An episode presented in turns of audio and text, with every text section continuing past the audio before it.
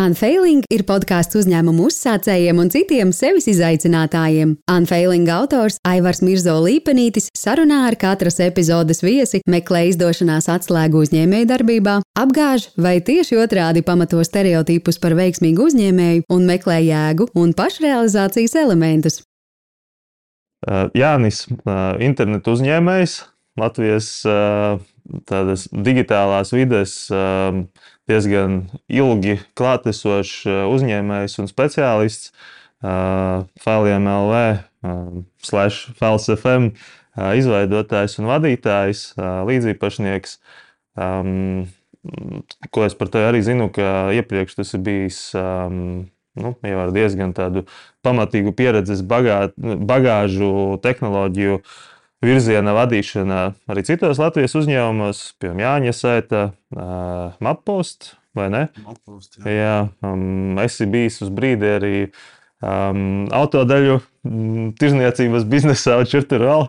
Uh, ir kaut kas piebilstams uh, tieši no, portf no tāda portfolio vai CV? Nu, tie droši vien zināmākie jā, projekti. Jā, un arī Um, arī, arī tavs zināšanu pamats ir uh, tieši tehnoloģijas. Um, ja nekļūdos, tad laikam vēl tur mm, kaut kāds ķeksis palicis līdz pilnam PhD uh, datorzinātnēs. Tas droši vien tāds nepiepildīts sapnis paliks, jā, domāju, laika ziņā. Bet, bet uh, nu, es pēc profesijas esmu beidzis datorzinātnes maģistra studijas Latvijas Universitātē. Es iestājos arī doktorantūrā pēc tam ap 2010. gadu, bet doktorantūras studijas es pārtraucu studiju beigās, kad man bija palicis gan doktora darbs, gan vēl pāris priekšmetu nenokārtot. Bet arī pārtraucu, tāpēc, ka vienkārši bija pārāk daudz. Tajā laikā bija pārāk daudz jau viss, kas sakrājies, gan, gan darbi iepriekšējā uzņēmumā, kuras vēl vadīja IT lietas, gan es biju jau pievērsies gandrīz tādā pilnā slodzē failiem pie projekta. Gan arī bija ģimene nodibināta un pirmais bērns. Un, un, un tad doktora laika studijām tur pilnīgi, nu, doktora studijām mēs pilnīgi nepalikām laiks, un tā bija viena no tām lietām, no kuras nācās atteikties, lai, no, nu, lai nobeigtu. Un... Uh, īstenībā esmu arī tādā vienā no vadošajiem B2B akceleratoriem Silīcija ielā, Alchemist. Uh, tur mums parasti pie atlases viens no tādiem uh, kvalitātes vai, vai uzticamības kritērijiem, vai ticamības tam, ka izdosies tam uzņēmumam piesaistīt investīcijas, ja runājam tieši par jaunu uzņēmumiem, ir tas, ka tur dibinātāji ir piemēram, PhD, tur Stanfordā, PhD, MIT, Computer Science, tā tālāk. Un tas ir, protams, viens no kritērijiem, bet eh, ne, ne obligāts.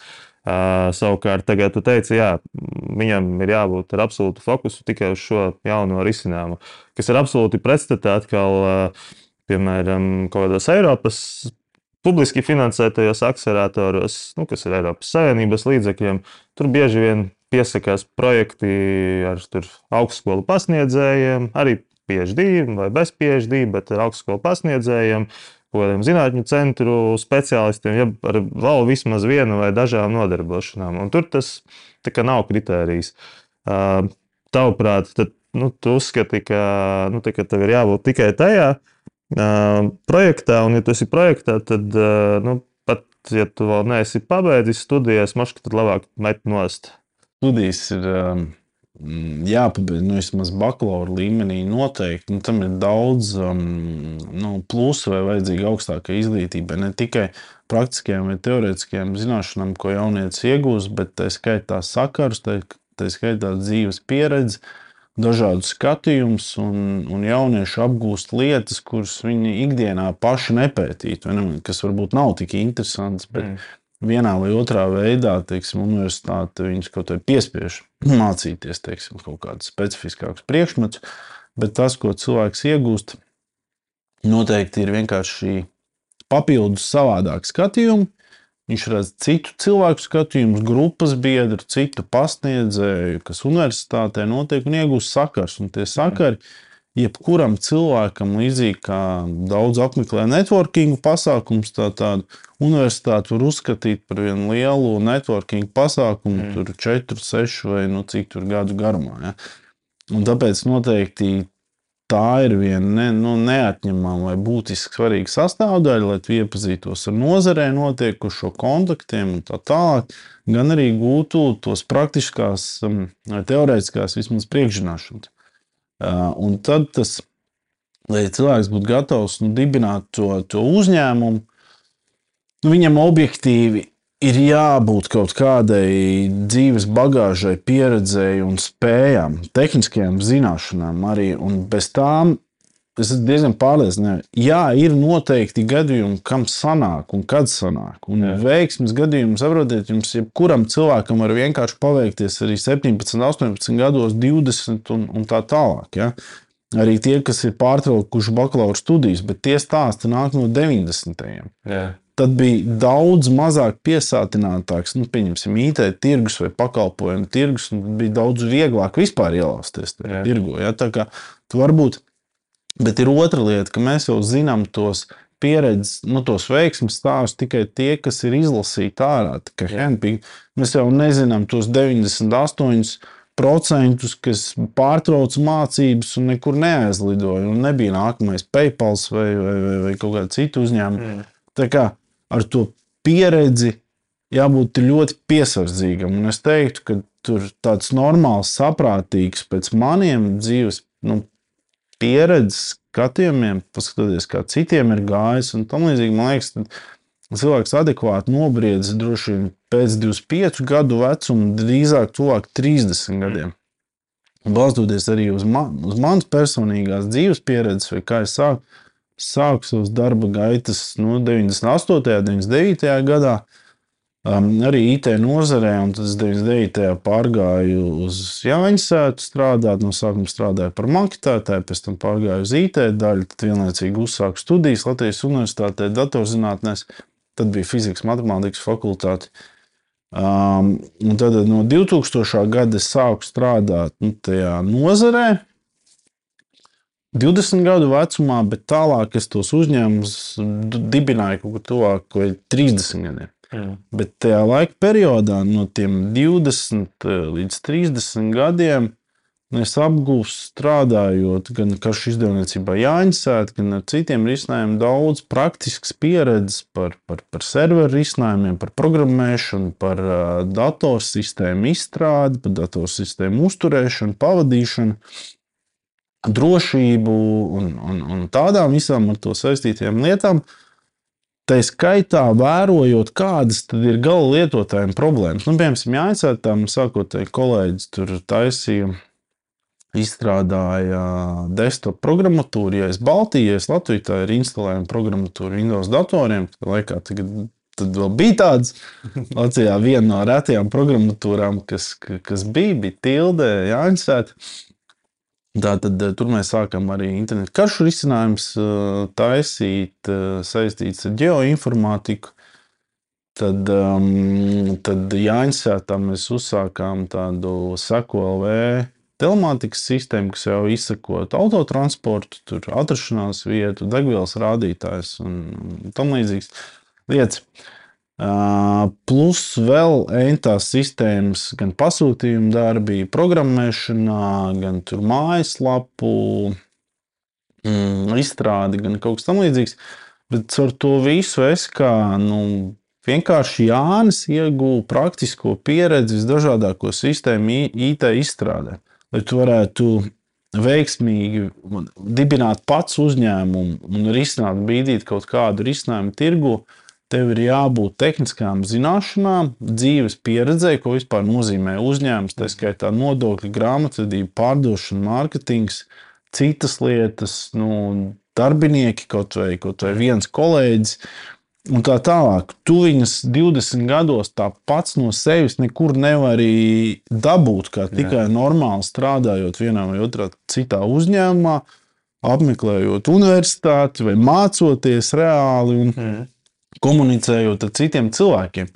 Tas ir pat nu, objektīvi nepieciešamā bagāžas nasta, kas ir iegūstama nu, periodā, teikt, no 18 līdz 25. Jā. Ja? Un tad otra lieta par to, kas ir vajadzīgs, lai vispār dibinātu nu, uzņēmumu vai kaut kādu jaunu uzņēmumu, vai projektu vai, vai risinājumu, sauks, sauks to kā gribi. Tu, tev ir vajadzīgs izdomāt risinājumu, kas reāli risina kaut kādu nopietnu nu, nu, problēmu, kaut kādu reālu Jā. problēmu. Un tādu risinājumu, lai izdomātu, lai saprastu šo problēmu, lai varētu izdomāt šīs problēmas risinājumu un ne tikai izdomāt, bet arī uztaisīt, mm. tam arī ir vajadzīga tehniskā vienkārši pieredze. Yeah. Un reti kurš cilvēks viens ir spējīgs to izdarīt, jo nu, aiziet tikai tie projekti vai risinājumi uzņēmumam, kas ir pietiekami nu, sarežģīti vai pietiekami nopietni. Jo, ja tas risinājums ir vienkāršs vai triviāls, pat mm. nu, to jebkurš var cits izdarīt, mm. nu, tādi tādi, nu, tādus ir ļoti grūti uh, kā uzņēmumu būvēt, tīpaši skalot, ja mērogot. Ja? Nu, un faktiski veiksmīgi ir tie uzņēmumi vai tie nu, sistēmu izstrādātāji, risinātāji, kas paši ir spējīgi to izdarīt. Mm. Nevis viņi pasūta uh, kādu, nu es tagad izdomāju, ka es taisīšu failu MLV. Yeah. Man liekas, ka būtu baigi forši, ka visiem varētu iedot um, pārsūtīt failus, jo tā ir problēma. Yeah. 2007. gadā tā ir reāla problēma. Nevar normāli pārsūtīt daudz foto un video. Tur ir kaut kādi mistiski rapiņšāri, kur vēl ir jāmaksā par download, un ātrums ir baigi lēni, un vispār tur nevar uzkopēt desmit failus vai simts vienlaicīgi, un, un tu beigās tu nemaz nevari viņus visus simtus downloadēt. Fleškā, jā, jā, un, jā, jā, un, un, un, un tā, nu, ir tāda reāla problēma, un es domāju, Klausies, šo problēmu vajadzētu risināt. Nu, uztaisīsim tādu failiem LV, kur vie, vienkārši varēs uzkopēt failus dabūt linku un nošārēt. Un tad tu ienāc Fiverr vai Upwork un pasūti kādam, lai te uzspēlētu. Tad, tad tu uztaisīsi skaistu prezentāciju, aiziet pie investora un stāsti, reku, man ideja iedod man citu par investoriem runājot. Kā, vai, vai, vai tavuprāt šis scenārijs strādā vispār? Varbūt tev pašam ir bijusi pieredze. Es zinu, ka failiem ir piesaistījis investīcijas, bet vai, vai pietiek ar ideju? Un outsource freelanceriem kaut kur Ja man būtu tikai ideja, ka vajadzētu uztaisīt tādu zemi, bet es pats viņu nespētu realizēt, mm. vai, vai, vai domāju, tad man vajadzētu iet pie, pie kāda un pasūtīt kā ārpakalpojumu, mm. tad uh, es ļoti šaubos, vai tas uh, strādātu. Mm. Uh, tā, tā ir viena lieta. Tāpēc man liekas, ka tie nu, tie startupi, kas ir tie veiksmīgie projekti, ir tā, ka viņi, kā saka, inhausā ir spējīgi. Visi, mhm. kad ir uzņēmuma dibinātāji vai tā sākotnējā komanda, kas pēdiņās ir pašpietiekami. Mm. Un tā sākās visi startupi ar tādu domu, ka es brīvajā laikā vai kaut kādā ārpus man tas neprasa papildus uzņēmumu, bet es, es uzstāju tās pamatlietas, mm. kas ir nepieciešamas. No failu gadījumā, cik mēs pašā sākumā arī bijām divi dibinātāji, mm. otrs bija mans kolēģis Dīdzis Kalējs. Mm. Viņš bija programmētājs, kur mēs kopā gan studējām Latvijas mm. universitātē, un te vēl viens piemērs ir dzīves, ko, nu, ko nozīmē. Vai, kur ir nospēlējusi loma universitātē. Mēs kopā mācījāmies ar Dīdzkalai. Viņš, starp citu, ir tas, kas ir salīdzināms LV uztaisījis mm. un uztur jau kopš 2000. gada. Viņš arī, viņš arī uzsāka viņu universitātes laikā. Yeah. Veiksmīgi taisīja un uzturēja pal, paralēli pamatdarbam. Iepriekš tu prasīji par to investoru un, un to viņu skatu punktu. Nu, lielākā daļa investoru sagaida, ka tie ir jaunie uzņēmēji, un kad būs izdarījuši kaut kādas pašas, protams, lietas mm. pašu spēkiem, ka viņi ir spējīgi to izdarīt. Yeah. Nu, ka viņiem nebūs vēl vajadzīgs vēl kaut kāds programmētājs, kuru viņi var būt droši vien, ka tirgū tādi ir. Yeah. Es tikai vēl neesmu atraduši, bet droši vien, ka mēs viņu tikko kā mums būs nauda, mēs viņu atradīsim. Nu, tā, tā var gadīties, ka tā nemaz arī nenotiks. Yeah. Lielākajā daļā. Nu, sakarīgu uzņēmumu, vai kā nu, normāli, zinu, tā jau parasti arī tie sākumi ir, kad tas, nu, tie dibinātāji paši jau pa saviem resursiem arī, arī uzsāk visu to uzņēmēju darbību. Un, ja godīgi, tad tās investīcijas parasti nu, arī tie investori skatās vairāk uz tādu stadiju, ka viņi saprot, ka tās investīcijas vajadzīgas tāpēc, lai, lai, repli, lai daudzkāršot šo uzņēmumu, uzņēmumu darbību, uzņēmumu darbību un iedot varbūt viņam kaut kādas trūkstošās komponentes, kas viņam ir varbūt nepieciešams, lai viņš objektīvi izaugtu nu, teiksim, no reģiona vai no uzņēmuma, nezinu, no tālsiem vai smiltenēm vai kaut kur Jā. uz teiksim, nacionālo mērogu vai, vai varbūt reģionālo mērogu. Ja? Un tur vienkārši tur tie līmeņi. Viņi tādā sarežģītībā jau atšķirās. Ja? Tur droši vien tur nepietiek ar 23 gadu pieredzi. Jā. Un to saprot arī tie investori. Ideālā formula ir tāda, ja ir trīs dibinātāji, kur viens droši vien ir izstrādātājs. Nu, um, ne, nerunājam tikai par IT, bet nu, produkta radītājs. Jā, produkta radītājs, kas saprot tehnoloģiskos procesus. Mm. Nu, tā tad vai tas būtu ķīmija, elektronika, vai datorzinātnes, vai, vai kurpju ražošana. Mm. Tas, kas māca uzražot kurpes, Jā. tad otrais un svarīgākā komponente. Es agrāk domāju, man, man liekas tā, pietiek ar uzražot kurpes, uh, nu, es tādā jaunības nevimā domāju, ka pietiek, ne? Bet otrā svarīgā komponente Izrādās, ka ir- citi arī ražo kurpes. Jā. Jā, jā, un uh, viņi arī spēja uzražot tādas pašas kurpes kā tu, vēl labākas. Un, uh, un tā, tā ir tāda arī mm, atskaitība. Ne tīpaši, ja tu neko neuzlabo savām kurpēm, tad pēc gada vai diviem toči izrādās, ka Ka labāk izstāsta. kaimiņš spēja labākas kurpes ražot. Tā, tā, tā otrā komponente noteikti ir svarīga, ir pārdošana vai pārdevējs. Mm. Ja, un, un, un, un trešais būtu organizators, uzturētājs, vadītājs, procesu menedžētājs. Kur te ir āķis? Šim te trīs cilvēkiem ir um, dažādas um, mentālās kapacitātes, un dažādi raksturi parasti. Mm. Uh, nu, atgriežoties pie man tuvās IT tēmas, un tā, tad programmētāji tipiski ir tādi vairāk noslēgtāki, vairāk introvertas personas nekā mm. ekstraverts. Tas ir salīdzināms, saka, lai skaidri uztver domu. Jā. Pārdevēji tie cilvēki, viņi tipiski ir ekstraverti. Mm. Viņi nesēž ilgi, tur stundām neknibinās pie datora, nelasa daudz koda, desmit stundas nevar nosēdēt pie mm. datora. Cilvēki tipi ir introverti, ir ekstraverti. Un tad tie programmētāji, tie izgudrotāji vai tie tehnoloģiskie procesu nodrošinātāji, viņi parasti ir tādi. Daudz nerunā, daudz lasa, daudz domā, Jā. izsakās konkrēti. Priekš pārdevēja ir vajadzīgs citas īpašības. Bet priekš produkta, priekš uzņēmēja pārdevējs vai pārdošana ir pat svarīgāk nekā tā, tā Jā. produkta uzražošana. Es, es ja drīkst vienu piemēru iesprādīšu. Tā kā es nu, strādāju ar jauniem tehnoloģiju uzņēmumiem, tur parā, nu, bieži vien arī šis salikums ir tas tur pārdošanas, vai tas organizatoriskais cilvēks un tehniskais. Un tad ā, nu, ļoti standartīga situācija ir, kad ā, man, man vienmēr ir bail no sazvaniem vai tikšanām, nu, tagad jau biežāk sazvaniem ar kaut kādu potenciālo partneri vai klientu, kur viņš ir lūdzis, lai piedalās arī tas tehniskais cilvēks. Tāpēc, ka nu, tā saruna parasti ir tāda, nu, ka tavs mērķis ir palīdzēt pārdot. Tātad, un, un, un nu, tev tas klients jautā, nu, ok, mēs tev piedāvājam, saņēmām, bet mēs gribam, lai jūs tur šito izdarāt divreiz ātrāk, un nu, tur izdariet to un to klāt par to pašu cenu. Un tad ā, tas tehniskais jau tāds dusmīgs vēl kelpu. tā- Un es tajā brīdī saku, jā, jā, mēs varam. Un tad viņš saka, nē, mēs to nevaram. Tas nav iespējams. Um, jā, un tad, tad ir uzdevums izlavierēt ar to, ka nē, nē nu viņš īstenībā viņš izdomās, kā var, viss būs kārtībā. Atradīsim risinājumu. Jā. Jā. Tā kā- Mm, Šī arī ir, eh, protams, daļa no, no jaunu uzņēmumu dzīves eh, ikdienā.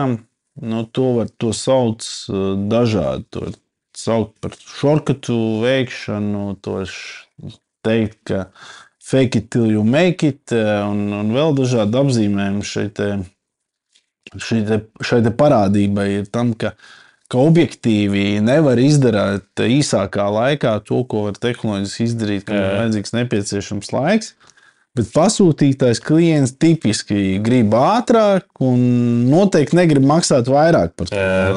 Jā, jā kaut kādu feature vēl klāt drusku. Jā, jā, un kaut ko vēl dabūt bonusā. Un tie, kas ir tādi, tu nesaproti, šie ir varbūt tehniskie cilvēki, bet tie, kas ir tādi citi ekstraverti, viņiem nu, arī klientiem, es domāju, jā. projektu vadītāji, viņi nav tehniskie, viņi tipiski ir vairāk uz šī pārdevēja veidi pēc dabas cilvēki.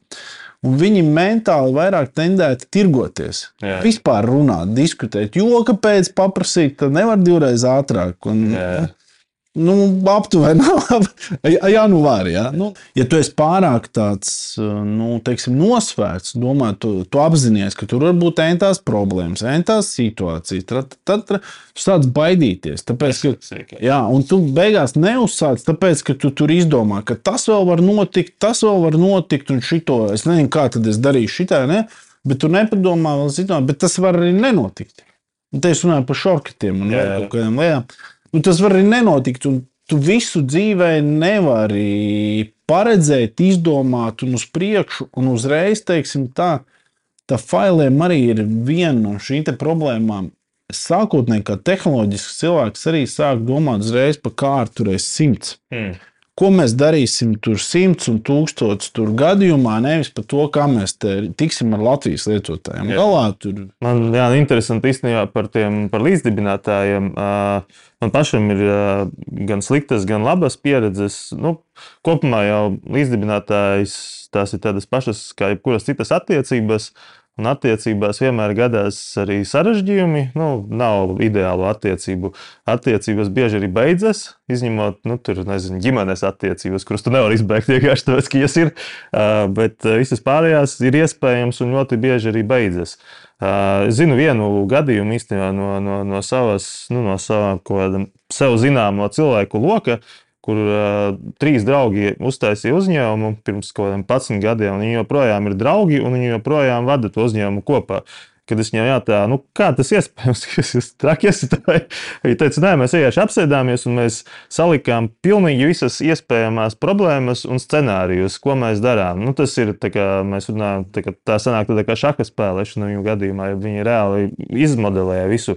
Ok, tas nav tehnoloģija jaunu uzņēmums, tas ir tā ir vīna studija, vīna restorāns, bet, nu, es ticu, ka arī tur pietiek uh, problēmu, pie kurām var, var vadzīs lūst. Uh, Man, piemēram, savā pieredzē, pēc dažādām, varbūt tādām sāpīgākām pieredzēm ar līdzdibinātājiem, tagad ir problēma, kas ir, zinu, arī daudziem, ka viņi baidās uh, uzsākt ar kādu kopā.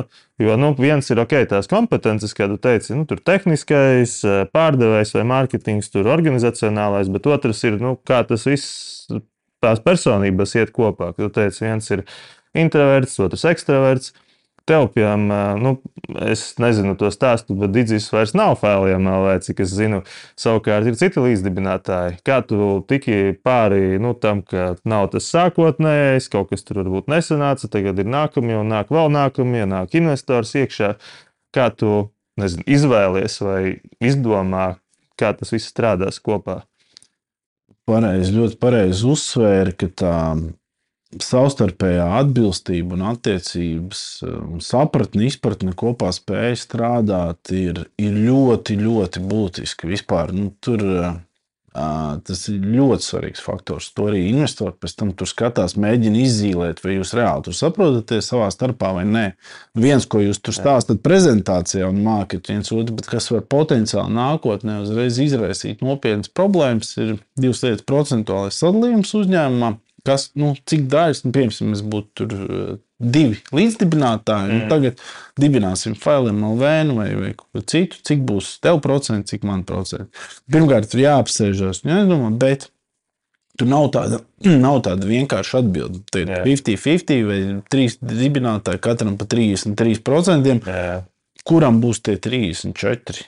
Atbilde ir tajā, ka tā procentuālajai sadalījumam ir jābūt proporcionālam tam, ko tu darīsi, vai kādu lomu tu uzņemies tajā uzņēmumā, tieši darbs un cik lielā apmērā. Yeah. Tad mēs nonākam pie tāda pārsteidzoša jēdziena, kā darba stundas, kad dienā ir kaut kādas cik stundas, un tu saproti, ka tev kaut kādam darbam ir jāvelta tur Nu, normāli 8 stundas dienā.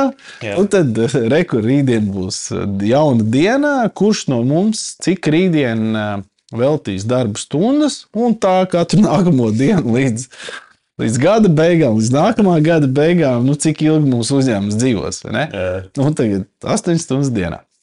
Un, ja tu nevari, tad nu, tā, ā, nevar tu uz darbu jāiet. Ne, tev uz treniņu ir jāiet, tev, ā, tev balīti sestdiena ir paredzēta, un tad ā, vēl kaut kas, un svētdienā galvas sāp. Nu, skaidrs, ka nevar strādāt. Kurš svētdienā vispār strādā? Ja? Dievs ir izdomājis nu, septiņ, septīto dienu, lai atpūstos. Tā. Un, ā, nu, tad, nu, un šīs ir tādas nu, praktiskās lietas, kas reāli iznāk. Bet pilnīgi normāli atgriežas darba stundas, patērētais darbā, laiks, eforts un darāmie darba saraksti. Mm.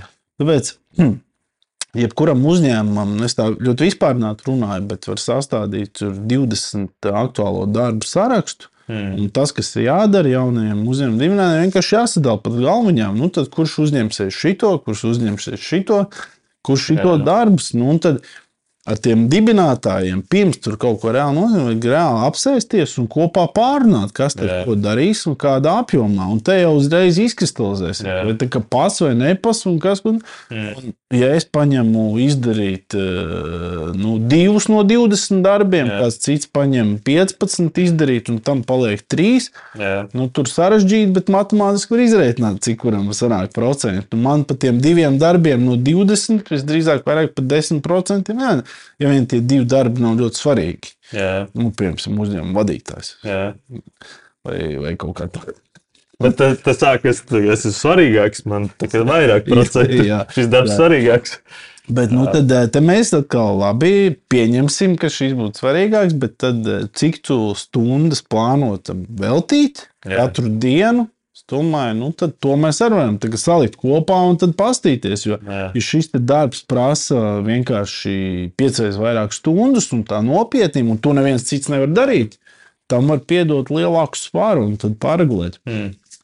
Īstais praktiskais ieteikums um, internetā ir atrodami tādu founderu sadalījumi, kur var ieķiksēt kaut kādus tur darbus, kas ir tādi tipiski uzņēmumi. Tad tur savu automātu sarēķina procentu, cik kuram founderim pēc lomām es pāris lapas tādas zinu. Bet tas noteikti ir ļoti būtiski, jo šis solis ir jāiziet obligāti. Jā. Ne tāpēc, lai tur būtu tur vairāk vai vairāk 5 vai plus mīnus procenti, bet Jā. Jā. tāpēc, lai saprastos, vai jūs varat saprasties, vai jūs saprotat darba sadalījumu Mm. un aizdomātos līdz tam jēdzienam darba stundas, cik tad kurš. Bet ā, ļoti pareizi, manuprāt, bet ā, īstenībā jau tās problēmas sākas nu, ne jau tur tajā brīdī, kad viss tiek radīts, bet tad, kad tas viss ir jānes uz tirgu, un tajā tirgu kaut kas notiek vai nenotiek, jeb tad, kad vai nu galīgi nenotiek, un tad jāmeklē vainīgais, vai arī notiek pārāk labi, un nu, parādās vairāk naudas. Piemēram, teiksim, cilvēks, kurš taisīja produktu, nu, tagad mēs pieņemam produkta komandu. Un tas cilvēks, ja tas nebija atrunāts, viņš tikai pieņēma, no ka es savu darbu esmu izdarījis. Kur ir dividendes tagad? Savukārt vadītājs izdomā, nē, nē, mēs peļņu liksim uzņēmumā, attīstīsim tālāk, nekādas dividendes. Jā, viens, ja viņam kaut kas neiet tajos visos, tā ir ļoti kritiska situācija. Tas ir Mm. droši vien uzņēmumā brīdis, kur, kur ir nopietni. Ja? un Tad visdrīzāk ir nopietni jāstrādā pie tās problēmas, jo tur ir nu, jāsaprot cēloņi un, un, un jāstrādā. Un tas nozīmē, ka iespējams tas prasa vēl lielāku efortu. Un, un ieguldīt darba apjomu uz konkrētu problēmu atrisināšanā, bīdīšanu tirgo, sākotnējo hipotēžu izmaiņas un tā Mhm. tālāk. Tā tālāk. Tipiski tas ir arī brīdis, kad tam uzņēmumam īsti nav naudas. Tāpēc, ka viņš nevar pārdot. Viņš domā, mēs saražosim, uzreiz sāksim pārdot, būs nauda un varēsim strādāt. Jā. Nē, nenotika. 99% droši vien tā arī nenotika. Jā. Tā- Tas ir tad, kad jāiet kā otrais cikls, otrais, bet tad jau visiem iestājās tāds bišķīt, nu kā mēs jau te baigi šancējām, tur pusgadu, Jā. zinām, zin kā, bet Viens jau sāk paralēli strādāt kaut ko, jo viņam tomēr Jā, ir jā, jāiet. nu, jāēd otram, otram ir tomēr kaut kas vēl kontā. Jā, tāpēc tur sākās tādas, un tad viens, kā es te strādāju pie dāņām naktīm, tu tur kaut ko citu dari, tikai jā. tur asistē. Un, nu, tipisks scenārijs ir dzīves, un jā. tas jau nu, tur tiešām. Tāpēc te mēs nonākam pie tām divām lietām. Mēs drīz mēs varam pienākt pie tā investoru stāsta, jau kurā brīdī tas, tas investors, kā viņi skatās uz šo jaunu uzņēmumu sēklu stadiju. Bet pirms tam, tāpēc labāk visiem hundriem, ir, ja tu taisi sāk tikai inicializēt to savu uzņēmumu, tev no sākuma Labi, ja tev ir normāls, pastāvīgs darbs, kas ir apmaksāts, mm. un tad, tu tajā darbā strādā 8 stundas, bet tev vēl dienā vai dienās jāatrod vēl vismaz 6 vai 8 stundas. Mm. Kā tu viņus vari veltīt šim startupam? Un tas ir reāli tā nepieciešams. Nu, kā nu, ne, nu, tev ne, neizveidojas uzņēmums vai jaunu uzņēmums no divām stundām nedēļā. Nu, mm. Pieņemsim, tāpēc, ka tu atļaujies tur pasēdēt kaut ko un pafunkcionēt. Nu, tā tas nenotiek. Nu, tur ir nu, jāiegūda. Nu, ja, nu, kā savādāk? Nu, tur visur ir jāiegulda darbs. Ne jau tur tikai vienkārši galvā izdomās ideju, Jā. no kura viņi ir. Un te, te atkal pienākam pie tā, ka jābūt tam tehniskajām realizēšanas spējām. Ja tev tas jāpasūta, ir kā ārpakalpojums, kā nu, tas nestrādās. Tas vienkārši būs sarežģīti. Sarežģīti priekš tevīm no menedžmenta viedokļa, pat pat no tā es mhm. nerunāju par to, ka tu orientējies ne programmē, nu, programmēšanā, un ko tas programmētājs tev vispār paprasta par darbu. Vai tas lēti vai dārgi, vai tas ir ātri vai lēni, un, un, un, un vai, vai, vai jāstrādā ātrāk vai lēnāk. Nu, nu, tā, ja. ja tev ir to pieredze, cik lieta.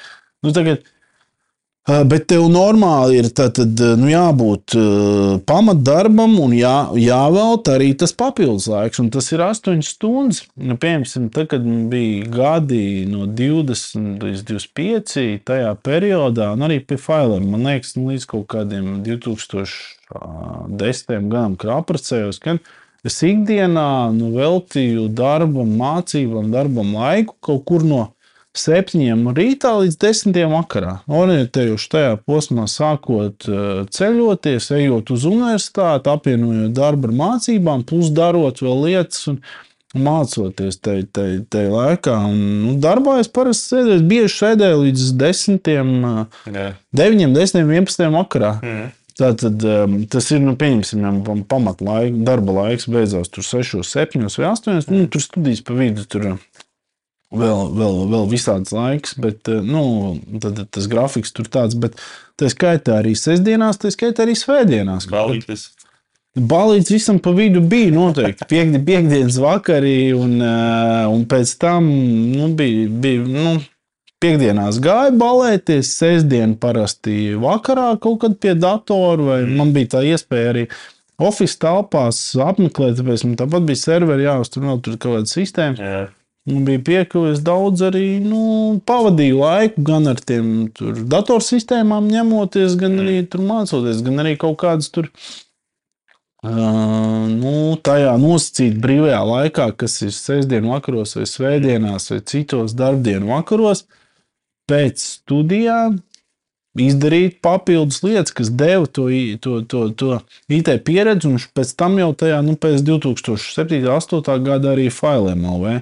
Bet tad, kad tu pārēji jau pie tā, nu, startup vadīšana, nu, tur.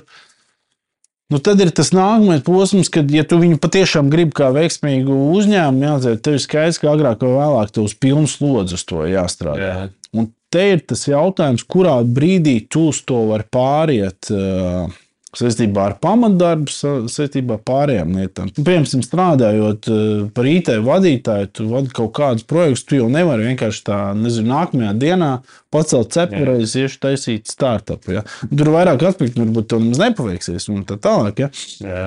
Bet, uh, bet pat ja tu būtu tāds, un tu jau kā normāls cilvēks tā nevari darīt, tad Um, tev ir objektīvi laiki, tev ir citas lietas. Man bija mācības, doktorantūras, ilgi sēdēju un kasīju pauri, ko darīt ar to doktorantūru. Tiešām nu, tur gadu, pusotru garumā kaut ko tur kārtoju, kaut ko anulēju, bet nu, tā bija ļoti grūti vilkt aiz matiem. Nu, tā Jā. lietas, un vispār, ja tu sakrāji projektus, kurus tu velc aiz matiem, vispār reāli baigi grūti. Tiešām ne, nogurst. Pārēji no, no tā viena uz pilnā slodzē uz otru. Hmm. Un tad, nu, te, to, tas investoru jautājums, bet šeit varbūt ir pie vietas, investoru tēma daudz plašāk. Un nav šeit pie vietas pateikt, ka, ja tu mēģinās piesaistīt investīcijas savam startupam un pārējā, tad to vispār nevar būt ne runa, ka jebkurš investors skatīsies, ka tu strādā pilnā slodzē uz šo te.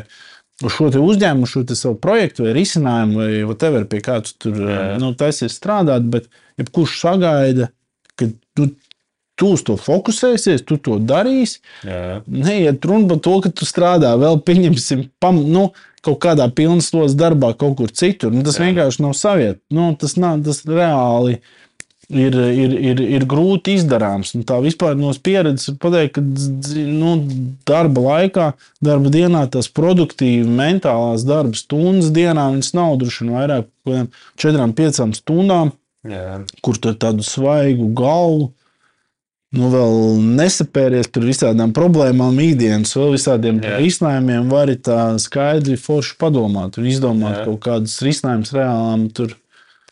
Nu, nu jā, bet, izaicinājumiem, vai neteikt, problēmas. Nu jā, bet, ja tu neesi, teiksim, neesi burbuļu triku meistars, vai arī tev nav tur kaut kāds vecerīgā pieci nekustami īpašumi, kas nes pasīvos ienākumus, tad tu baigi Nevar arī tā pārliekt. Nu, te mēs varbūt nonākam pie tā, ka ir daudz stāstu arī tie paši eh, lielo rietumu uzņēmumu stāsti, kā viņi radušies, kad nu, tur bija trakie džeki, kas kaut ko tur ņēmās full-time undergroundā, un pa to laiku viņu sievas strādāja pilna laika darbu un uzturēja ģimeni. Zinu, ka arī tev ir stāsts par to, ka um, jūs ar sievu kopā strādājāt gan iepriekšējā darbā, gan arī Failiem LV. Cik liela nozīme nu, tam, ka arī viņa iesaistījās arī tavā, ne tikai jūsu privātajā dzīvē, bet arī biznesa vidē, cik tam liela nozīme ir uz pozitīvo vai uz varbūt sarežģīto pusi? Nu jā, nu strādāt kopā, nu, vienā pusē. Labi, mēs strādājam kopā, mēs iepazināmies vienā darba vietā un strādājot pie kopējiem IT projektiem, pie tās pašas jā, Jānis ir programmatūras Baltijas kašu projektiem, sakošanas sistēmā. Tā sanāca, ka mēs sagājāmies un arī apprecējāmies. Un tagad mums kopā ar Kristīnu ir uh, trīs bērni jau. Uh, un tā, bet strādāt kopā tas nav vienmēr vienkārši, jo darbā, līdzīgi kā tas pats par tiem pašiem draugiem, nu, darbā ir tādas situācijas, kur tev ir jādiskutē, vai nu, tu, strīd, tu dabīgi strīdies, ir dažādi viedokļi, dažādi redzējumi, kā risinās problēmas un lietas, vai un vispār ir problēmas. Vispār biznesā, uzņēmēja darbībā ir problēmas. Nu, tā, nu, tā, tā, tā vispār ir. Nu, viņas katru dienu nāk kaut kā, nu, teiksim, vai tas par problēmām, vai jautājumiem, kas jārisina, vai izaicinājumiem, vai negaidītām situācijām, vai avārijas situācijām, ja iet runa par tehniku, ja, piemēram. Un, un, un tā tālāk, un pasakot, divas nelaimes gadījumu, teiksim, kaut kādiem būvniecības uzņēmumiem. Ja? Ar to, ka ik, dzīve ikdienā ir pilna dažādu pārsteigumu, un, un tas skaitā negaidītu lietu. Un uh, biznesa, man liekas, ir tāds beidīgs slavens ar, ar to, ka kaut kas atgadās. Jā, kad kaut kas atgadās, ka tas ceļš nav vienkārši. Viena, viena lieta ir garantēta, ka kaut kas atgadās. jā, jā, jā, tas, tas tā, un tāpēc Vienkārši tev visu laiku ir jārisina kaut kādi jautājumi, un tur, kur jārisina jautājumi, un ir tīpaši problēmas, ir dažādi cilvēku viedokļi, dažādi risinājumi, un tad par to var, var strīdēties. Nu, par to dabīgi arī sanāk visādas diskusijas, un tas ir. Tas ir tas, kas varbūt, ko tu negribētu normālā gadījumā pārnest uh, mājās uz, uz, uz, uz ikdienas dzīvi mājā. Jo Es teiktu, ka tā ir viena no tādām būtiskiem problēmām, ko ņemt vērā. Sākumā bija, nu, teiksim, labi, nu, varam strādāt kopā, dzīvot kopā un uh, runāt par vienām tām pašām lietām, risināt tās pašas problēmas. Mm. Ja tu beigās tāds mājās risināt uh, darba problēmas, problēmas. un serveru problēmas, un klientu problēmas, un risinājumu, un viss pārējo, un tur pārdzīvojums, tad tas sāk nu, tas, tas vairāk nemaz nav tik forši. Nu, kā... Arī zinu, ka ar investori ļoti kritiski skatās uz to, ka ir draugi vai ģimene uzņēmumā. Jo, nu, bieži vien jau ir tā, ka tam vadītājam, ja viņam tur kāds labs draugs, kurš varbūt kādreiz bijis nu, kā svarīgāks par viņu pagalmā vai skolā, varbūt tur kaut ko grib no tā uzņēmuma, citu nekā uzņēmuma vadītājs, vai, vai grib lielāku algu, vai ko vēl, vai jaunu mašīnu. Tam vadītājam var būt problēmas, drusciņā to kaklu iztaisnot un, un iebilst. Tas pats arī ar sievu. Nu, teiksim, Uh, WeWork, piemēram, arī labs piemērs. Es nezinu, vai, vai zināt to stāstu. Uh, WeWork, nu, tie coworkingi, uh, WeWork izveidotāja Madam sieva izdomāja taisīt virzienu WeGrow, kas ir uh, dārziņu networks. Nevienam investoram tas nepatika. Nu, kā, savukārt, Adamam tas ļoti patika. Un investoriem nācās piemest arī tam, tikai tāpēc, ka nu, viņa sieva to darīja. Tev, tev kā uzņēmuma vadītājam, tu esi pēdiņās amatpersona. Tu neesi draugs, tu nevari privāti runāt, un tev ir jāvar un jāpasaka, jādara tā vai jādara šitā, jābūt. Nevar būt pat draugam. Nu tā, nu, pat draugam ir ārpus tā vispārējā, bet uzņēmumā un tā skaitā pret ģimenes locekļiem. Mm. Diemžēl, bet tev mentāli ir jābūt tādā pozīcijā. Un te mēs pienākam pie vēl vienas citas lietas, pie, teiksim, pie kvalitātēm, kas ir nepieciešams no uzņēmuma vadītāja. Viņam ir jāvar būt vadītājam, viņam ir jāspēj pateikt cilvēkiem, apsaukt, norādīt, dusmoties, nedusmoties un, un tā tālāk. Un tā tālāk. Yeah. Bet mentāli būt spējami, ja tas cilvēks nevar būt pateikt vai nevar pieņemt lēmumus, kas ir uzņēmuma interesēs. Mm. Nevis savā interesēs, nevis eh, jebkura cita, bet viņam ir jāstāsta no uzņēmuma pozīcijām. Kā es sākumā mm, iepazīstinot, teicu, Fēlījām LV, slash, Fēls FM. Un tu arī minēji tur vietējos lietotājus un kā, eksperimentus. Uh, nu, tev ir izveidots arī FLSFM zīmols, uh, arī virziens. Es pats diezgan daudz izskrējies pa pasauli, tur no ASV rietumkrasta līdz tur. Uh, Es nezinu, kur tur tālāk, Āzijā esi bijis, un Āfrikā gan laikam neesi bijis, bet nu, vismaz ar failiem. Bet, bet es izmēģināju dažādus virzienus. Tev arī tie dzelži vai, vai, vai serveri ir ne tikai Latvijā, un arī klientu lokus ir ne tikai Latvijā. Gan jau ir nemazums ne arī attīstības līdzekļu, varbūt arī nokurināti uz kaut kādiem mēģinājumiem ārvalstīs. Arī, arī varbūt kaut kādi investori ir mēģināti piesaistīt ārvalstīs. Nu, nevar būt. Es zinu, ka tas ir mēģināts darīt. Un, un tu man nāk prātā, ka viena no pēdējām Jāņa Bergas lejām ir nauda žurnālā, kur viņš apsprieda pēdējo latviešu vizīti, nu, jaunu uzņēmumu vizīti uz rietumkrastu. krastu Viņš tur teica, viņš iepazinies ar viņiem. Tur jautājās, nu, kā, ko jūs kā, ko vēlaties. Paši atbrauc, ko tu vēlaties. Viņš saka, nu, kā es pēc investīcijām atbraucu. No ko tu dari? Nu, man tur Latvijā ir tas un tas, mēs tur darām to un to. Nu, Forši, malcis. bet tas, nu, tas viņa tas teikums bija, ka nu, jā, viņi visi atbrauc, viņi meklē tās investīcijas, bet nu, viņi neplāno tur palikt, viņi neplāno tur darboties. Viņi darboties, viņi domā, nu, es atbraucu pēc naudas, jo tu visiem dod naudu. Un tad es braukšu atpakaļ uz Latviju un darbošos tālāk. Kāds tavs ir novērojums, viedoklis par to laimes meklēšanu ārvalstīs? Novērojums īsumā ir tāds, ka tas uh, vispār ne tuvu tik nav tik, tik vienkārši, kā, kā, kā izliekas, vai kā gribētos, ka būtu. Tur nu, varētu pat nestīties maz tik tālu uz Ameriku vai uz citiem ārzemju investīciju piesaistīšanu. Dokumentēšu arī to, bet tas ir vēl kārtu sarežģītāks. Es varu pat sākt tikai ar, nu, ar, ar Latvijas vai vietējo Baltijas mērogu un teiksim, investīciju piesaisti jaunu uzņēmumiem. Manuprāt, eh, tas, kā potenciāli jaunais jaunu uzņēmumu dibinātājs skatās uz investīciju piesaisti un investoriem tirgu, un ko viņš domā, kā būs tā investīcija noteikti. Un kā investori no otras puses skatās, tas ir pilnīgi divas eh, kardināli lietas. Viens skatās uz zirgu, viens uz galvu, viens ar aizmuguri. Ja? Nu, aptuveni tāda ir tā, tā, tā situācija par, par priekšstatu, kā notiek investīcija piesaistē, ko sagaida investors. Tam jaunu uzņēmumu dibinātājiem, īpaši Latvijā, ko es, es, es domāju, ka tur, teiksim, Silīcija ielā, Kalifornijā, tur tie, kas beidz tur tās universitātes, domāju, ka viņi tur ir krietni advancētāki šajā ziņā. Bet, nu, teiksim, Latvijā tad vidēji, nu, tas, ko es pamanīju, aptuveni tas priekšstats ir tāds. Tad, Tad, nu, mums vajag izdomāt, nu, galvenais ir laba ideja un izdomāt ideju, ko vajag darīt. Tā kārtīgi viņu pārdomāt. Un, es tā kārtīgi būšu pārdomājis to savu labo ideju, ka viņai, un es tā to savu čūju, ņuhu un poņu man liksies, tā pārliecināti liksies, ka šitai te idejai ir jāiet. Jā. Nu, tad es aiziešu tur pie investoriem. Man internetā, nu, pieņemsim, biznesa eņģeļiem, kas ir no tā sākuma gala vai, vai kaut kur citur, pastāstīšu. Tur kādi 30 vai 40 cilvēki noklausīsies, kam ir daudz naudas, jo nu, mājaslapā rakstīts, ka viņiem visiem ir nauda, principā Jā. miljonāri. Tas ir droši vien nav kur likt naudu. Un vispār daudz saka, ka nauda ir pa pilnu, ka nauda nav problēma Jā. ka vajag tikai kur. Nu, es aiziešu, viņam izstāstīšu, nu, kādi nu, no tiem 30, kādus 15 droši vien neinteresēs, bet tos otrus 15 droši vien varētu interesēt tā, tā ideja.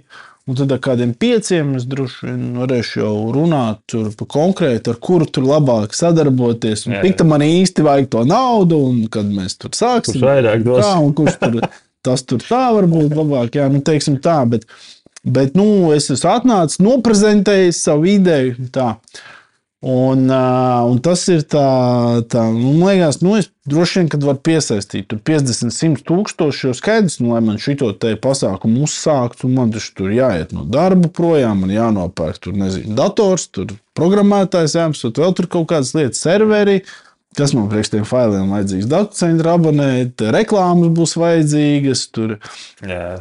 tehniskais supports būs vajadzīgs, vēl viens cilvēks. nu, Pārdošanas aģentūra. Un, un vispār mārketinga aģentūra, jo es, piemēram, mārketinga speciālists neesmu. Es esmu IT speciālists. Nu, būs vajadzīgs kāds, kas tur pārzina. Kā. Pārdošana nebūs, jo nu, no reklāmas nāks klienti. Arī, nu, varbūt jā, jā, visādi. Bet, nu, nu, bet, bet tā orientēšu tā aptuveni. Ja? Tātad no investora puses, nu, tad pirmais jautājums būs jau tas, cik jums ir maksājoši klienti. Ja jūs šajā brīdī pateiksiet, ka nu, jums tā ir tikai ideja, Kādi klienti? Kādi klienti? Kas nesuroti naudu? Kā to nesi Jā. naudu iedevis? Tieši šajā brīdī būs nu, tā kā. Šitiem kaut kas nu, ne, nesaskanēs. tajā Nebūs atbildē. klikšķē, jā. Jā. Nākamais. Jā. un, un investors un tagad, ja nākamais prezidents, tu ļoti pa labi pateiks nākamais. Ja, ja nākamais prezentētājs pateiks, Nē, nākamais investors, ja šis nav klikšķi. Es nē. Bet, saprot, tas, eh, bet no tā investora skatu punkta eh, tev nav. Un, ja tur blakus stāvēs, kur um, viens puisis, kas atbildēs, ka viņam vismaz ir viens Jā. maksājums klients, Nodomu protokols. vai vismaz nodevu protokols par, par iemaksātiem 100 eiro, tad jūt kādu nu, no atšķirības starp to, ka tu pasaki, ka tev nav neviena klienta, bet blakus stāv cilvēks, kurš saka, ka viņam ir viens maksājums klients. Un tad kurš ir labāks? Neskatāmies idejas. Jā. Salīdzinām vienkārši cilvēkus. Un te jāsaprot, ir. Tipiski cilvēki ir tādi individuāli, viņi subjektīvi skatās no sava nu, skatu punktu un redz to savu problēmu, risinājumu un visu pārējo. Bet mums jāsaprot, ka pat rindā stāv tajā pašā, nu, pieņemsim, Latvijas biznesa eņģeļa Latvijas pasākumā, mm. tur būs desmit citi prezentētāji. Jā. Viņiem arī visiem ir sakarīgas idejas. Visiem ir kaut kas tur, nu, potenciāli strādājošs vai strādājošs, un kaut kas investējams. Ja, jo, ja viņi ir uzaicināti uz šo prezentāciju, tad nu, pilnīgi nu, galīgi jau nu, nevienu tādu, kam vienkārši gribās kaut ko paprezentēt, neuzaicināt. Tas nozīmē, Jā. ka visiem ir kaut kāds tur sakarīgs līmenis. Jau. Un tas līmenis, pēc kā to mēra, faktiski ir šie te, nu, risinājumi gatavība, Jā. vai to var pārdot, vai kāds to ir nopircis, vai tur ir Mhm. kaut kādi maksājuši klienti. Un tad jau tur tos projektus vērtē pēc uh, nu, šiem kaut kādiem naudas, vismaz, uh, nu, vismaz kaut kādiem perspektīvām. Jā. Vai tam līdzīgi, jo tam projektam īpašniekam jāsaprot, vien, jāiejūtas investoru kurpēs un jāsaprot, ka šis investors nav speciālists programmēšanā, kurpju ražošanā, tur video taisīšanā, mūzikā vai vēl tur kaut kā. Jā. Nav, nevar būt. Jā. Viņam ir ļoti grūti izvērtēt, varbūt tu esi tur baigais ģēnijs programmēšanā vai tam līdzīgs, un mākslīgā intelekta speciālists. Jā. Bet jautājums, kā to var novērst, vai es esmu labs mākslīgā intelekta speciālists vai nē? Nu, pēc tā, kā es runāju, nu, vien jau nē, bet tu, nu, ja tev nav tehnisko zināšanu, līdzīgi arī citām, es to gribu teikt, ka tiem investoriem nav baigi daudz citu lietu, viņi vērtē vispārīgas lietas, Jā. bet tā skaitā ir ļoti svarīga šī pozīcija par, par, par, par, par produktu pārdot, nu, pārdošanu vai gatavību pārdošanai, un vai kāds viņu vispār ir nopircis. Te es gribu atgriezties pie tā sākuma, ko es to gribēju teikt.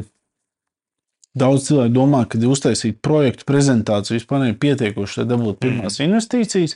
Investors domā, ka viņš ir gatavs investēt projektā, kurš ir pierādījis, ka viņš vispār pat kaut ko ir spējīgs pārdot. jā, Neiet runa par to, ka viņš vispār ir spējīgs uztaisīt to, ko viņš taisās. Uztaisīt. Tas Jā. investors skatu punkts ir pašsaprotams. Ja es taisos pārdot kurpes, un tad es droši vien esmu uztaisījis kādas piecas kurpes vismaz, lai, lai viņas sāktu pārdot. Vai, nu, Nevis tā bija piecas kurpes, kuras tev nepatika. tad Tu Jā, zini, kā jā. ne, nesaprotu šīs kurpes taisīt, tāpēc tu tagad uztaisīsi labākas. jā, nu, tie, tieši burtiski. Es jā. citu arī ā, pievildu pie tā, ka man sanāk diezgan daudz arī atlasīt tos jaunu uzņēmumus akceleratoram, minētajā mm, alkimista akceleratorā. Tur mums arī ir nu, pamatā divi veidi, kā mēs atfiltrējam tos jaunu uzņēmumus. Ā, Vai nu ir tā, ka nu, atnāk kāds, teiksim, ja atnāk kāds ar ideju, tikai nu, ar tādu ģeniālu ideju, ar šausmīgi skaistu prezentāciju, ļoti nostrādātu, nu, tad vai nu starp tiem tiesnešiem mums ir kāds, kurš zina to nozari un to, to, to nišu, un viņš pasaka, vai nu jau šitais tiešām izklausās baigi labi, ja es pirktu. Nu, un viņu pārlie, un pārējos pārliecina tas, ka tas cilvēks izskatās nu, saprātīgs un zinošs. Vai arī kāds pasakā tieši pretēji, klausies, nu, es zinu, ka šajā nozarē tas viss ir atrisināts, un šis ir bullshit, ko tu dari. Vai arī trešais ir, nu, ja neviens neko par to nezina, tad tā arī pasakā, klausies, nu, mēs nezinām šo nozari, bet vai parādīja, nu, kas tev šobrīd ir, kā, nu, kā, kā tu vari mūs pārliecināt, ka, ka šitais strādā. Uh, nu, tad tur ir dažādi varianti. Protams, varbūt viņam lokāli jau tur kāds ir ieinvestējis vai kaut ko nopircis. Nu, protams, ja nav nekā, tad visdrīzāk tajā brīdī arī tā skaistā prezentācija beidzas pie trīcošas balss jautājumu un atbildžu sesijā. Jā. Nu, diemžēl tā, jo nu, te ir trūcis tas, ko tu saki. Kad, nu, no tiem 30, diemžēl 20%, vai 20% neorientēsies konkrētajā nozarē. Viņi eh, nevis tāpēc, ka viņiem nepatiks tā prezentācija, vai viņi nedomās, ka tā ideja varbūt ir laba, varbūt slikta, bet viņi neorientē. Nu, es pieņemsim, prezentēt kaut kādu kripto vai blockchain projektu. Jā, Nu, 20 eh, no 30, ne, ka viņiem vispār ar blockchain, kriptogrāfiju nav vispār nekāda sakara. jā, Un viņi tur ne, varbūt tas ir interesanti, varbūt ka tā ir nākotnes tehnoloģija, varbūt decentralizācija ir, bet es ar to dzīvē neesmu saskāries, un tas nav mans. Un 70% atbirs. Tāpēc, ka tas nav viņu loma, tā ir viena lieta. Un otra būtiski ir tas, ka nu, arī tiem investoriem nav tā, ka viņi nāk uz tiem pasākumiem, tāpēc, ka viņi baigi grib, bet nu, tagad viņiem reāli nav kur investēt. jā. Viņam, Nu, vispār, vispār ceļš Baigā domā, problēma, kur lai rītdien investē, jā, kur baigi, baigi, baigi, baigi. un Tā, tā, vairāk situācija drīzāk, ka viņš ir investējis jau piecos projektos, No kuriem Viņiem četri jau piecos. Jā, nu viņiem iet visiem kā pa celmiem, kuram jā. labāk, kuram sliktāk un tam līdzīgi. Nu, varbūt pēkšņi viņam gadās, eh, nu, ka šitais ir kaut kur atbilst viņa portfolio vai kaut kāda sinerģija ar pārējiem uzņēmumiem, vai viņš paigi. Viņam liekas, ka viņš jā, reāli saprot šo veidu, tad viņš varētu būt ieinteresēts. Bet nevis tādā situācijā, ka viņam reāli gribās, nu, tūlīt rītdien ā, iedot kādam naudu un paskatīties, kas no ir. Tāda gadījuma droši vien var būt. Un, un visādi, bet tas nav tāds, tāds, tāds, tāds vidējs. Tas, ko es gribēju uzsvērt, to, ko mēs Latvijā jau nesaprotam, nu, mēs nesaprotam, cilvēki te nav tik liela tāda, tāda tā izjūta. Ir konkurence. Tas, ka tu aizej uz to Latviju, tu esi un vēl tur ir desmit cilvēki.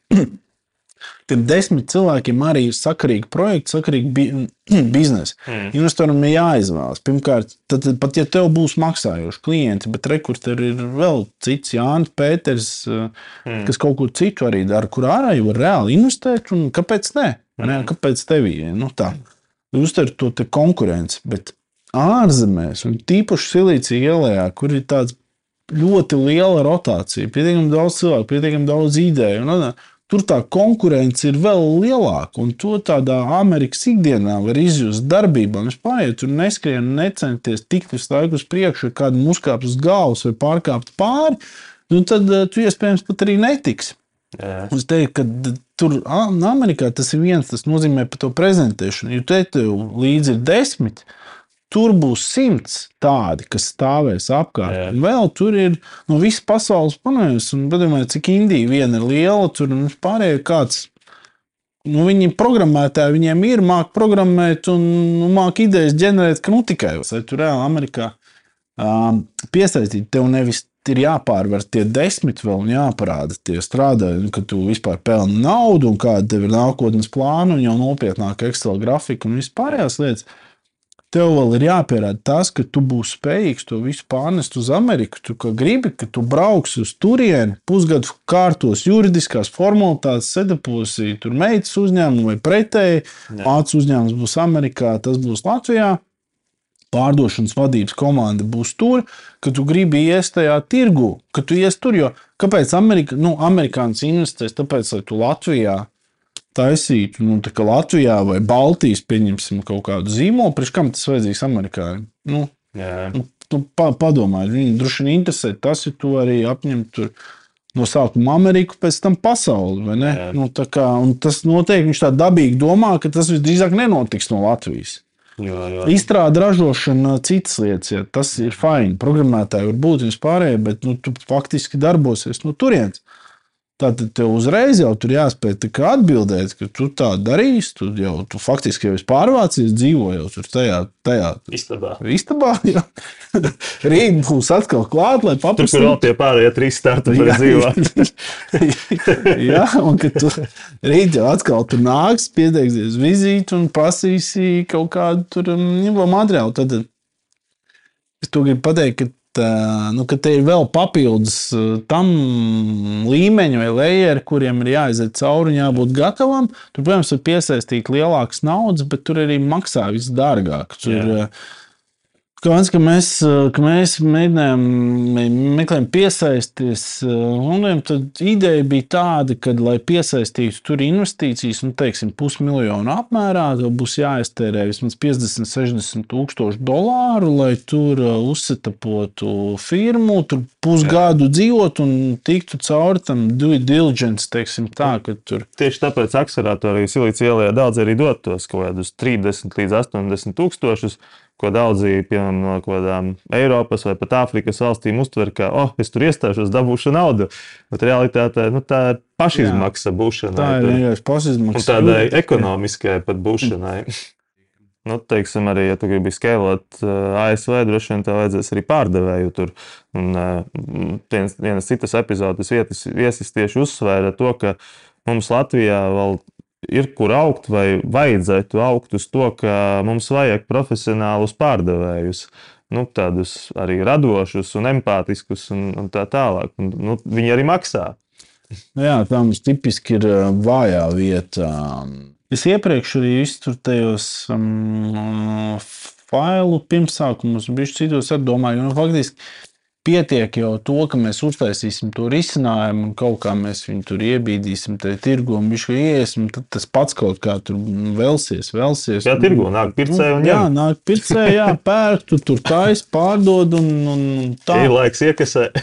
Jā, bet, bet tā realitāte ir tāda, ka, ja tu esi uztaisījis tur to savu risinājumu, viņš tur stūrītī stāv, nu tas tur nevienu neinteresē, kamēr, nu, kamēr tu pats tur tā baigi neuzbāzies un neiepārdo. Ne? Ja viņš, viņš, protams, nav kaut kas tur baigi unikāls, jā, Jā. kā failēm vai, piemēram. Bet par, par unikālu viņu arī jāuzzina. Ja viņš Viņu ir jā, tirgus ir jā, jā, un zinu, tīkls ir plašs un daļēji patērētāji. Tas vispār nemaz neinteresē. Tā problēma tā, tā ka tu pat neapzinājies tur tos lietotāju kategorijas segments, kas īstenībā ir tavā tajā. Tavā tajā pircē, pircēju lokā, un, bet uh, bez pārdošanas, nu, pārdošana ir pirmajā vietā, svarīgāk bez pārdošanas un mārketinga, tādā ziņā tirgvedības, ka tu aiznes ziņu līdz patērētājiem. Uh, Tādā ziņā, ka tev ir jāpiegādā, jāizsniedz tā auditorija ar visādiem mentajiem līdzekļiem, kas ir piemērotāki tavam biznesam, vai tas būtu internets, vai reklāma, radio vai vienalga kas. Um, vai partizānu mārketings, bet uh, tev, tā, tev, tev tas jāņem, tev ir jāpārliecina. Tev ne, nevis ir vienkārši jāiznes ziņa, ar vienkārši ziņas aiznešanu, ka rekur tagad ir LMLV, to nu, ne, nepietiks. Saražot visi var. Jā. Jautājums, kā to pārdot? Tur var saražot saldējumu. Jautājums, tu tagad saražo saldējumu kaut kādu. Nu, Nu, tu labi, tu, esi, apzini, tu saproti no saldējuma, māki ražot saldējumu. Nu, Ko, tu, ko mēs viņu darīsim? Ēdīsim. Jā, nu, ļoti, ļoti garšīgi saldējumi. Mums taču varam kopā paēst. Nē, protams, arī garšai ir nozīme. Man liekas, tas pats Rujienas saldējuma vadītājs arī teica, ka arī garšai un, un izē, nu, izēvielām saldējuma gadījumā ir ļoti liela nozīme.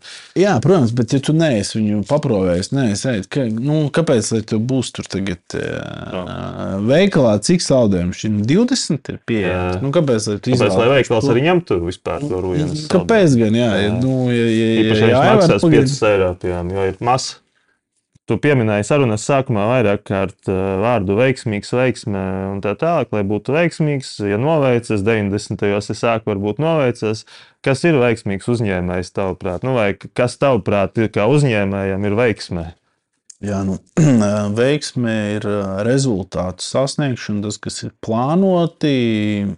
Tā ir veiksme, ja tu sasniedz ā, plānotos rezultātus. Un, un tipiski tie plānotie rezultāti normālā gadījumā ir Excelī sazīmēti pārdoto produktu skaits, tur dienā, mēnesī, vai, vai abonētāju, vai lietotāju. Un, vai, bet nu, tipiski dienas beigās, lai noskipot atš- atšķirībā no, nu, atšķirībā no konkrētās nozares, dienas beigās tie visdrīzāk ir pārdošanas rezultāti. Nu, tad, tad nopelnīt tā nauda vienkārši runājot. Veiksmes pamatā, lai sasniegtu to veiksmi, pilnīgi noteikti ir fokusēšanās uz to darāmo darbu. Pirmkārt, izglītības spējai, zināšanai, kā arī izsnākt, otrkārt, reālai darba darīšanai.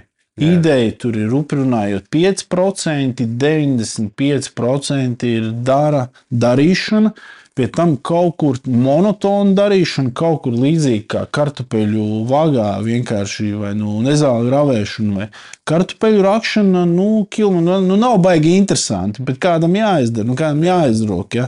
un pēc tam vēl jāpārdod atkal tajā tirgu. Ja? Tā kā tā ra- ka kartupeļu rakšana ir pie tās ražošanas. Tur jānomazgā. Jā, un Dubjai. tad, nu, tad tagad, tur ir iesaistīts viss, un tas ir jā, mentāli jābūt gatavam to, to visu jā. darīt, jādara, un pie tam jādara neatlaidīgi. Diemžēl neat- tā neatlaidība arī mūsu citā gadījumā, nu, tas noteikti tas faktiski ir kaut kāds gadu stāsts. Tas nav, tas nav tāds pusgads gads, un es Varbūt citiem ie- ie- ie- iet vieglāk, citiem, citiem grūtāk, bet, bet tas noteikti nav ātrs. Um, tas, tas nav ļoti ātri. Un uh, tev kā, viens ir kā uzņēmējam un kā, kā uzņēmumam, bet tev kā Jānim, kas ir veiksmē? Uz darbu, nē, kā uz darbu, bet uz kaut ko, ko tu vēlies darīt, gribi darīt, un tev patīk tas, ko tu dari. Un tā, tas man ir tas kriterijs, kāpēc es pirms priecājos, ka strādāju pie failiem. Jo man, nu, man patīk, man interesē tie tehniskie izaicinājumi, man interesē domāt, man interesē strādāt pie tām lietām. Man patīk tas, ko es daru. Un es neeju kā uz darbu, bet tā ir daļa vienkārši no manas uh, dzīvošanas ikdienas. Mm -hmm. Un, ja es to varu darīt bez nu, nu, īpaši nenormāli nesaspringtot, nenomēr, man atkal man jāiet uz darbu, tad kaut kas tur jāvada vai jāmenedžē vai jāstreso, tad nu, tas ir man kā Jānim. Tas veiksmi, liekas, par ko es esmu. Nu, tā kā, man liekas, ka tas ir tad es esmu tajā vietā. Man tikai nu, jāsastrādā gan tie, tur, tie pārdošanas rezultāti, gan pārējais, kas priekš biznesa. Bet nu, otra lieta ir eh, ģimene vai personīgās attiecības. Viņam ir jāspēj strādāt kopā. Balansā ar to darbu, to, to dzīvi. Nu, piemēram, viens no iemesliem, kāpēc es neaizbraucu uz Ameriku, jo tomēr ne, tāpēc, ka es tur tādā sajūtu līmenī neredzēju, ka es baigi gribu Losandželosā, San Francisco tur dzīvot ar, ar to cilvēku apjomu un tur komjūtot no tur divas stundas no darba uz Jā, kaut jā. kādu tur pažobelī, vai nu, nu, nezinu, tur vienkārši šauri, tur diezgan Jā, jā. mazi viss tur tie hoteļi dzīvojuši un, un, un, un šaurs, un priekš Latvijas standartiem, nu, it kā nepieņem. Nu, Latvijā visu tomēr, zin kā, zemes, Jā, jā, jā. hektārs, divi. Jā, jā, jā. Tā un tāpēc- pushektārs. Un tur es, tur, es, tur es neredzēju tādu privātu māju vai tādu brīvu, kur uh, futbolu tur baigi tur Jā. iziet ārā, pa, pa, paspārdīt vai, vai un, uh, un, un, un citas lietas, viegli aizbraukt pie darba, nu, ciemos, pie draugiem, pie paziņām. Tas ir tajā privātajā ārzemē. Vienkārši es tā jau pavadu daudz laika priekš darbam, kā es teicu, nepavēlti. Faktiski ir 24, 7. Ja tu esi tāds uzņēmuma īpašnieks un partneris, tad tā tur aiziet daudz stundu, daudz vairāk nekā 8. Vienkārši tad tu negribi tās atlikušās stundas izniekot, tāpēc, ka tu brauks divas stundas tur, nezinu, uz mājām, vai tāpēc, ka, lai tu aizbrauktu ciemos, tev vēl divas stundas kaut kur būs jābrauc, vai pusdienu vispār. Jā. Kaut kur tur pāri tur visai pilsētai, štatam vai vispārējā. Un, un trešais, nu, pieņemsim, saku, nu, vai ar bērniem, vai ar ģimeni, lai aizietu pavadīt laiku ar bērniem. Es gribu līdz tai jūrai aizbraukt, tur pietiekami ātri vēl līdz tam ezeram. Nu, Rīgā to var izdarīt, ir, nu, visas pārējās. Nu, Jā, jā. Amerikā tas tur tajā silīcija ielas pusē, un tur Ņujorkā un li- lielās metropolēs tas nav tik, tik, tik, eh, tik viegli, un tāpēc, manuprāt, tur jābūt normālam balansam, pus uz pusi, pus darbs, Jā. pus tā, tā, tā privāti. Jaunībā, līdz kaut kādiem 25, vai nu, tur, mums ir 3, nu, tu neesi apprecējies, tas varbūt nav tik svarīgi, un tu vari normāli tur eksistēt tajā komunā Jā, izbaudīt. un, un izbaudīt, jo tas ir pilnīgi cits. Nu, reiz, bet pēc tam, ja tu, dzīvo, ja tu gribi normāli dzīvot, kvalitatīvi no dzīves viedokļa, nevis no rīta līdz vas, vakaram vai 24 stundas pavadīt oficiālā strādājot pie, pie darba, ja tu gribi to otru pusi, tās, tās, tās otras 12 stundas normāls nosacīt. jā. Nu, tad tur ir jātaisa arī kaut kādi, kā es teicu, kā ar to doktorantūru. Tur ir jātaisa kaut kādi tādi nu, lēmumi, kas no kaut kā tev ir jāatsakās. Jā. Bet, uh, ko tu darītu, ja būtu tā situācija, ka tu brauc uz to darbu un tev vienkārši jau mēnesis ir tā, ka. Nu, tā kā teici, ka gribas braukt ar prieku, nu, jo tev patīk tas, ko tu dari. Ko tu darītu, ja piemēram, tev tur 50 vai nezinu, 100 darbinieki, tavs uzņēmums, un tu vienā brīdī saproti, ka nu, man šitais, nu, man vienkārši besī jau mēnesis tas, ko es daru. Rezultāti ir, bet nepatīk. Pirmais solis ir jāpaņem atvaļinājums droši vien uz pusmēnesi, mēnesī. Tas pilnīgi noteikti, jo nu, normāli visiem cilvēkiem ir kaut kāda sadegšanas sindroma, izdegšanas, stress, vispārējais. Tas, ir- tas ir viens. Bet, ja es tālāk justos, ka es piemēram to nevaru, es nu, saprotu, ka tur, ne, nu, tur ir jāpieņem kāds cits vietā, tur jāmaina vienkārši uzņēmuma vadītājs. Nu, par uzņēmumiem vispārējā, nu, protams, tas pats vecais stāsts, nu, nevajag baidīties. Ir, ir, ir jādara neatlaidīgi, jādara sistemātiski, jādara. Bet jāsaprot, vai tur ir arī vilkme. Mm. Bet vecais tā ir noteikti, tā, ka tā darīšana, lai tu varētu izdarīt secinājumus, vai tur ir vai nav pieprasījums, nu, tas darīšana ir vismaz pāris gadu garumā, nu, tāda Jā. reāla darīšana, nevis, nevis domāšana galvā, kā būtu. Jā. Ja būtu. Šī bija podkāstu Unfailing epizode. Visas epizodes audio un video formātā pieejamas populārākajos straumēšanas servisos. 2023. gada pavasarī Aivars Mirzo Līpenītis izdos autorgrāmatu. Informāciju par grāmatu un podkāstu meklē unfailing.me. Aivars Mirzo Līpenītis ir tehnoloģiju uzņēmumu starptautiskās izaugsmes konsultants, prominentu starptautisku biznesa akceleratoru treneris un tiesnesis, izglītības programmu līdzautors.